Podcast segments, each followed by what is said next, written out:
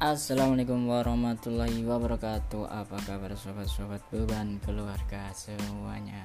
Ya Alhamdulillah di tengah kesibukan kita puasa Dalam rangka menyambut bulan Ramadan Nantinya kita akan seni tulisan-tulisan Gustur Dalam buku Prisma Pemikiran Gustur di channel Fathul kita Santri menulis barokah Kiai Abadi tentunya dibawakan dengan seadanya Semoga bisa memberi manfaat waktu rebahan kita semuanya. Allahumma sholli ala Sayyidina Muhammad. Dalam episode kali ini eh, Kita kembali akan membahas tulisan Gus Dur yang berjudul Pesantren Pendidikan Elitis ataukah Populis Yang ditulis oleh Gus Dur Yang ditulis oleh Gus Dur di majalah Prisma pada Maret tahun 1976 Konteksnya masih dalam pemerintahan Orde Baru pemerintahannya Pak Harto di mana Gus waktu itu mengawali karirnya sebagai intelektual sudah dikenal sebagai intelektual muda Nahdlatul Ulama uh, dan juga dikenal kritis terhadap pemerintah. Nah, uh, mengenai tulisan ini Gus Dur juga menyinggung apa problematika yang ada saat itu yaitu bagaimana pemerintah mencoba mendekati pesantren dengan usaha-usaha ekonomi di mana pesantren itu diadakan semacam kegiatan pelatihan-pelatihan keterampilan bagi santri. Nah, mengapa? Karena pesantren dilihat oleh pemerintah sebagai lembaga pendidikan yang populis atau lembaga yang apa secara umum dinikmati oleh masyarakat kemanfaatannya masyarakat secara umum terlibat dalam pendidikan itu ya, itulah kenapa pesantren dianggap populis atau uh, orang banyak. Nah, dalam rangka itu tadi, kepopulisan itulah yang membuat pemerintah mencoba melakukan keterampilan-keterampilan atau pelatihan keterampilan tadi. Nah, itu ditanggapi oleh Gus Dur dengan tulisan ini.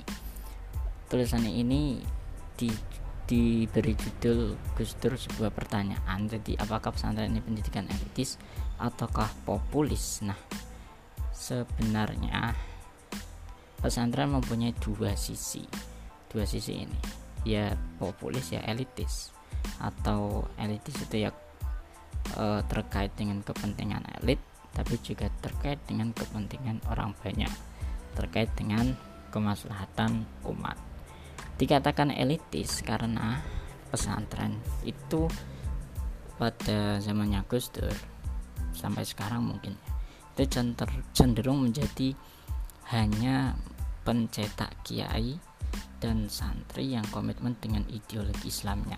Sederhananya pesantren itu hanya terfokus pada masalah agama. Itulah kenapa dianggap elitis, dianggap berkaitan dengan elit. Yang dimaksud di sini adalah elit agama. Nah, karena lulusan-lulusan pesantren itu kan menjadi kiai di setiap apa masyarakatnya. Kiai itu kan dipandang sebagai tokoh elit dalam agama. Entah itu masalah agama maupun masalah berkaitan dengan masalah sosial kemasyarakatan berbarengan dengan para pamong praja. Seperti itu. Itu sisi elitisnya tapi juga pesantren mempunyai sisi populis karena santrinya itu berasal dari berbagai kalangan dan pesantren itu dikenal sebagai lembaga yang menjadi tampungan dari lembaga lain. Jadi lembaga lain sudah tidak mau apa mengelola atau membina seorang peserta didik. Biasanya itu dilembarkan ke pesantren entah itu karena nakal entah itu karena bodoh karena nilainya tidak cukup atau mungkin karena biaya nah pesantren itu menjadi penampung dari ini kekurangan-kekurangan ini sehingga bisa dikatakan pesantren itu populis nah pemerintah melihat kepopulisan pesantren tadi lalu dengan mengadakan pelatihan-pelatihan keterampilan agar para santri ini bisa mencari uang sehingga apa ekonomi dapat berjalan. Nah, e, usaha pemerintah itu dianggap kurang diterima oleh pesantren karena hanya sekedar menggunakan alasan-alasan pragmatis, alasan-alasan yang duniawi lah hanya kepentingan uang belaka. Tidak ada jiwa di sana. Padahal salah satu ciri dari kegiatan-kegiatan yang dikelola oleh pesantren adalah ada jiwanya ada jiwa agama di sana. Ada dorongan agama dalam melakukan tindakan sosial kira-kira seperti itu. Gus Dur mengawalinya dengan e, membahas mengenai evolusi pesantren bagaimana perbedaan antara dulu dan sekarang. Jadi dulu pesantren itu merupakan satu-satunya lembaga pendidikan di Nusantara di zaman-zaman pra Indonesia di zaman-zaman penjajahan. E, karena waktu itu memang e, tidak ada lembaga pendidikan lain. Dan pesantren itu tidak hanya mengajarkan agama. Kalau saya boleh membahas atau saya boleh menambahkan bahwa uh, sebenarnya kalau saya membaca Atlas Wali Songo itu pesantren juga tidak hanya membahas apa membahas agama tetapi juga me, mendidik perang mendidik uh, untuk keterampilan-keterampilan mendidik soal mengajarkan soal budaya dan sebagainya. Nah, itulah kenapa bisa dianggap pesantren itu pada zaman itu populis populer di masyarakat. Kemudian santrinya itu kalangan umum yang tidak ditampung lembaga pendidikan keraton. Ini pesantren ini agak memilukan karena sejak dulu pesantren itu selalu dianggap sebagai lembaga pendidikan yang tidak ditampung. Lembaga pendidikan yang menampung para peserta didik yang para peserta didik yang tidak para peserta didik yang sebelumnya tidak ada. Seperti itu. Nah itu menandakan unsur populisnya jadi pelajaran tidak hanya agama dan untuk pendidikan umum. Nah pada zaman Gus Dur pesantren itu lembaga pencetakan yang hanya fokus pada ulama saja. Memiliki komitmen Islam sebagai ideologi santrinya itu hanya memiliki apa model Islam belaka. Atau terfokus pada agama. Tidak mau uh, sebagaimana pesantren pada waktu zaman dulu yang dianggap tidak hanya mengajarkan agama tetapi juga lebih dekat dengan kegiatan-kegiatan sosial. Lalu pesantren menjadi tempat penampungan siswa yang tidak diterima di sekolah favorit, siswa nakal yang tidak bisa ditangani sekolah dan juga erosi perkotaan. Uh, unsur elitisnya yaitu pesantren itu hanya mencetak ulama yang mana itu menyebabkan banyak dari santri itu gagal tersaring sehingga goyong karena tidak memiliki kemampuan uh, keagamaan yang cukup. Karena pesantren hanya, ter, hanya terfokus itu. Tidak memiliki apa wadah lain untuk mengembangkan bagi santri-santrinya. Itulah mengapa angka drop out-nya itu tinggi dibanding dengan lembaga-lembaga pendidikan lain.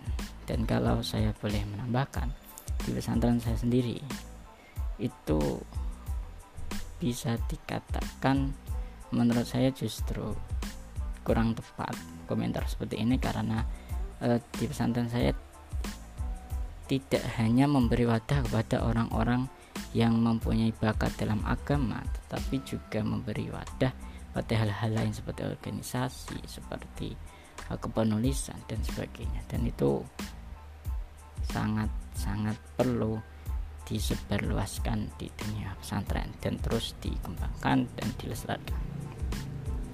Nah, uniknya meskipun itu tadi ada unsur-unsur elitis dalam pesantren, tetapi alumninya itu selalu mempunyai pandangan yang bisa dikatakan populis meskipun alumninya itu elit tokoh-tokoh elit berasal dari apa kalangan menengah ke atas mungkin dari orang kaya atau berdarah biru berdarah pesantren tetapi pandangannya itu selalu populis selalu dekat dengan rakyat umum Mengapa? Karena pesantren kata Gus Dur itu menampung mereka yang tidak memiliki privilege-privilege sosial, yang tidak memiliki keistimewaan sosial. Ya seperti itu tadi. Jadi tidak kalau zaman dulu tidak punya darah biru akhirnya lari ke pesantren. pada zaman Belanda juga begitu karena e, pendidikan hanya diberikan kepada orang yang e, kepada kalangan-kalangan bangsawan e, kemudian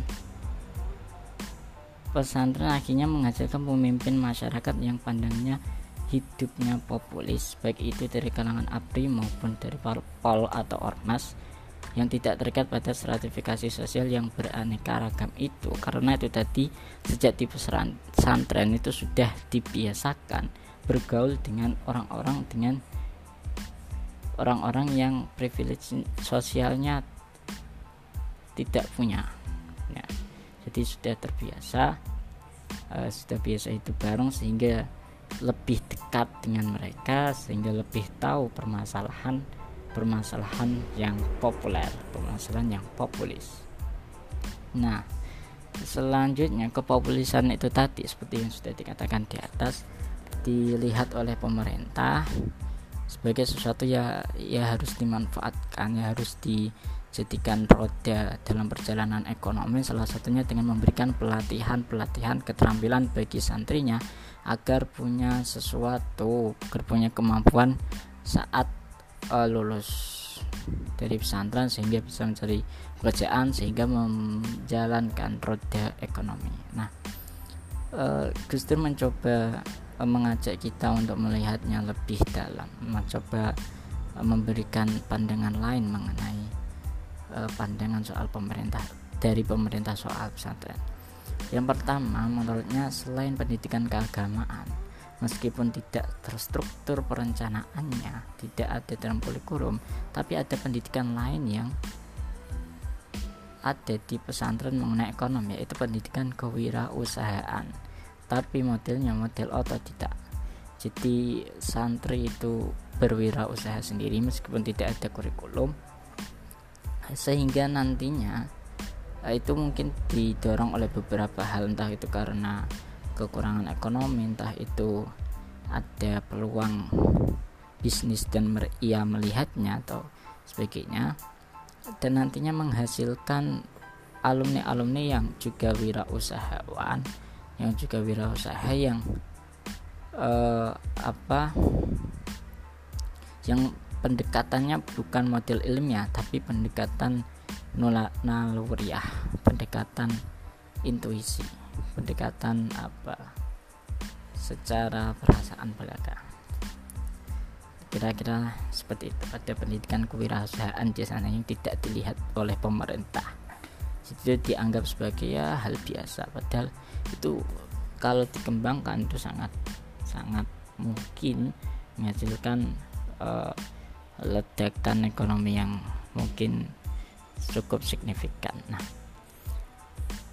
Kembali ke tadi, untuk membantu menambah keterampilan santri, pemerintah mengadakan pelatihan yang cenderung kurang diterima pesantren besar karena e, sifat pelatihannya hanya pragmatis, hanya untuk mencari uang dan tidak ada jiwa keagamaan di sana. Jadi tidak didukung oleh dorongan-dorongan ajaran-ajaran agama yang merupakan ruh dari perilaku-perilaku santri. E, pesantren.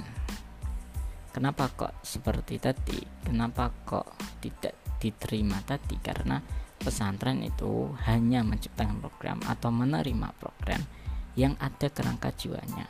Bukan hanya keterampilan pragmatis belaka.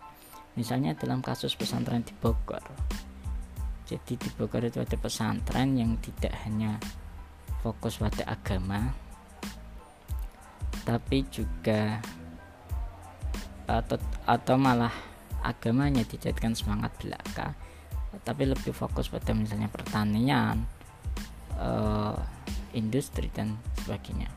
Nah yang terpenting adalah mereka ditanam kesadaran dan keinginan merubah kehidupan masyarakat melalui penciptaan etos kerja berdasarkan suatu pandangan agama di bidang pertanian misalnya.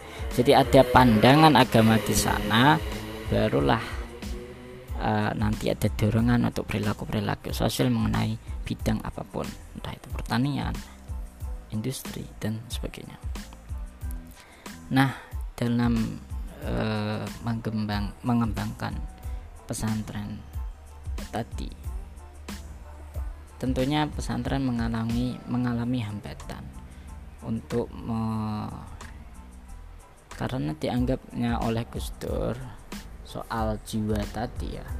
Bagaimana pesantren itu mengadakan sesuatu mengadakan program itu harus ada jiwa keagamanya. Jadi anggap Gus Dur sebagai uh, sebagai keunggulan dari pesantren keunggulan ini tadi soal bagaimana jiwa agama menjiwai perilaku sosial ini mengalami hambatan karena ada pengaruh dari perubahan-perubahan masyarakat di mana masyarakat itu merupakan uh, apa ekosistem yang melahirkan pesantren.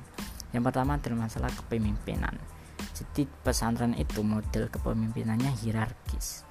Kepemimpinan hierarkis atau dari kiai ke anaknya misalnya ke anak laki-lakinya. Kepemimpinan pesantren itu sulit untuk diadakan perpindahan yang wajar secara teratur baik dan pembinaan calon penggantinya. Itu masalah kepemimpinan. Jadi perpindahannya itu dianggapnya kurang wajar. Karena yang dipilih bukan berdasarkan apa bukan berdasar ke keilmuan atau mungkin bisa dikatakan ya tidak berdasarkan kompetensi tapi berdasarkan kewibawaan. Nah orang-orang yang punya kompetensi itu biasanya dijadikan pembantu pembantu pengasuh misalnya untuk pembantu kiai. Karena itu tadi di, di pesantren dibutuhkan kewibawaan sebagai kiai. Salah satunya adalah keturunan dari kiai sebelumnya. Nah itu uh, secara perpindahan yang wajar dan tidak teratur karena sangat lama periodenya karena uh, masa jabatannya itu seumur hidup. Jadi ada kemungkinan tidak adanya apa ya regenerasi atau tidak adanya eh, ide-ide uh, segar atau ya seperti itu Nah, solusinya menurut Gestur adalah komunikasi antar Gus, antar penerus-penerus pesantren. Yang dalam melihat ini harus secara makro, tak hanya melihat pesantrennya sendiri, tapi juga pesantren secara umum. Harus ada ijma, harus ada kumpulan istimewa gawagis, istimewa para Gus untuk memecahkan persoalan ini. Bagaimana ya tetap mempertahankan tradisi tetapi ya itu tadi dalam menghadapi atau merespon kelemahan-kelemahan dari sistem hierarkis ini itu bagaimana? Bagaimana kita melihat ketidakteraturan? Bagaimana kita melihat apakah bisa dengan sistem seperti ini kita menerima ide-ide segar? Bagaimana kita tidak mematikan potensi-potensi uh, para alumni pesantren yang punya uh, sebenarnya punya peluang untuk berbuat sesuatu nah, seperti itu mestinya dimusyawarahkan dan itu harus ada komunikasi atau harus ada istimewa. Ya masalah kedua adalah biaya pengelolaan pesantren. Jadi dalam mengelola pesantren yang mempertahankan jiwa keagamaan tadi dalam berperilaku sosial tentunya butuh biaya. Nah dulunya pesantren itu didukung pembiayaannya oleh masyarakat sekarang tidak ada etika sosial yang seperti itu, membuat pesantren mengalihkan pandangannya pada pemerintah.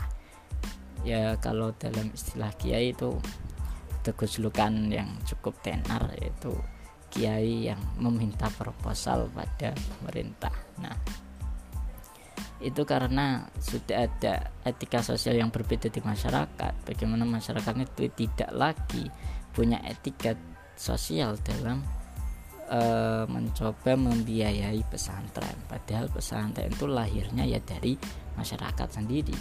Kalau dari cerita-cerita kiai itu tidak ada kiai yang mendirikan pesantren tidak ada awalnya ya orang-orang santri mencoba apa meminta ngaji hanya supaya tidak tidak makan waktu akhirnya e, mendirikan pesantren tepat di sana Santai ini menciptakan ya solusinya dalam menciptakan sikap sosial tertentu yang memungkinkan atau mendorong masyarakat membiayai pesantren. Jadi tidak boleh menurut Gus juga tidak beretika pesantren itu e, meminta proposal pada masyarakat tidak etis tetapi perlu pembentukan etika sosial lagi dari masyarakat dalam mendidik atau dalam membiayai pesantren demikian seperti itu mungkin episode kali ini. Nantikan tulisan poster selanjutnya di episode berikutnya. Selamat malam assalamualaikum.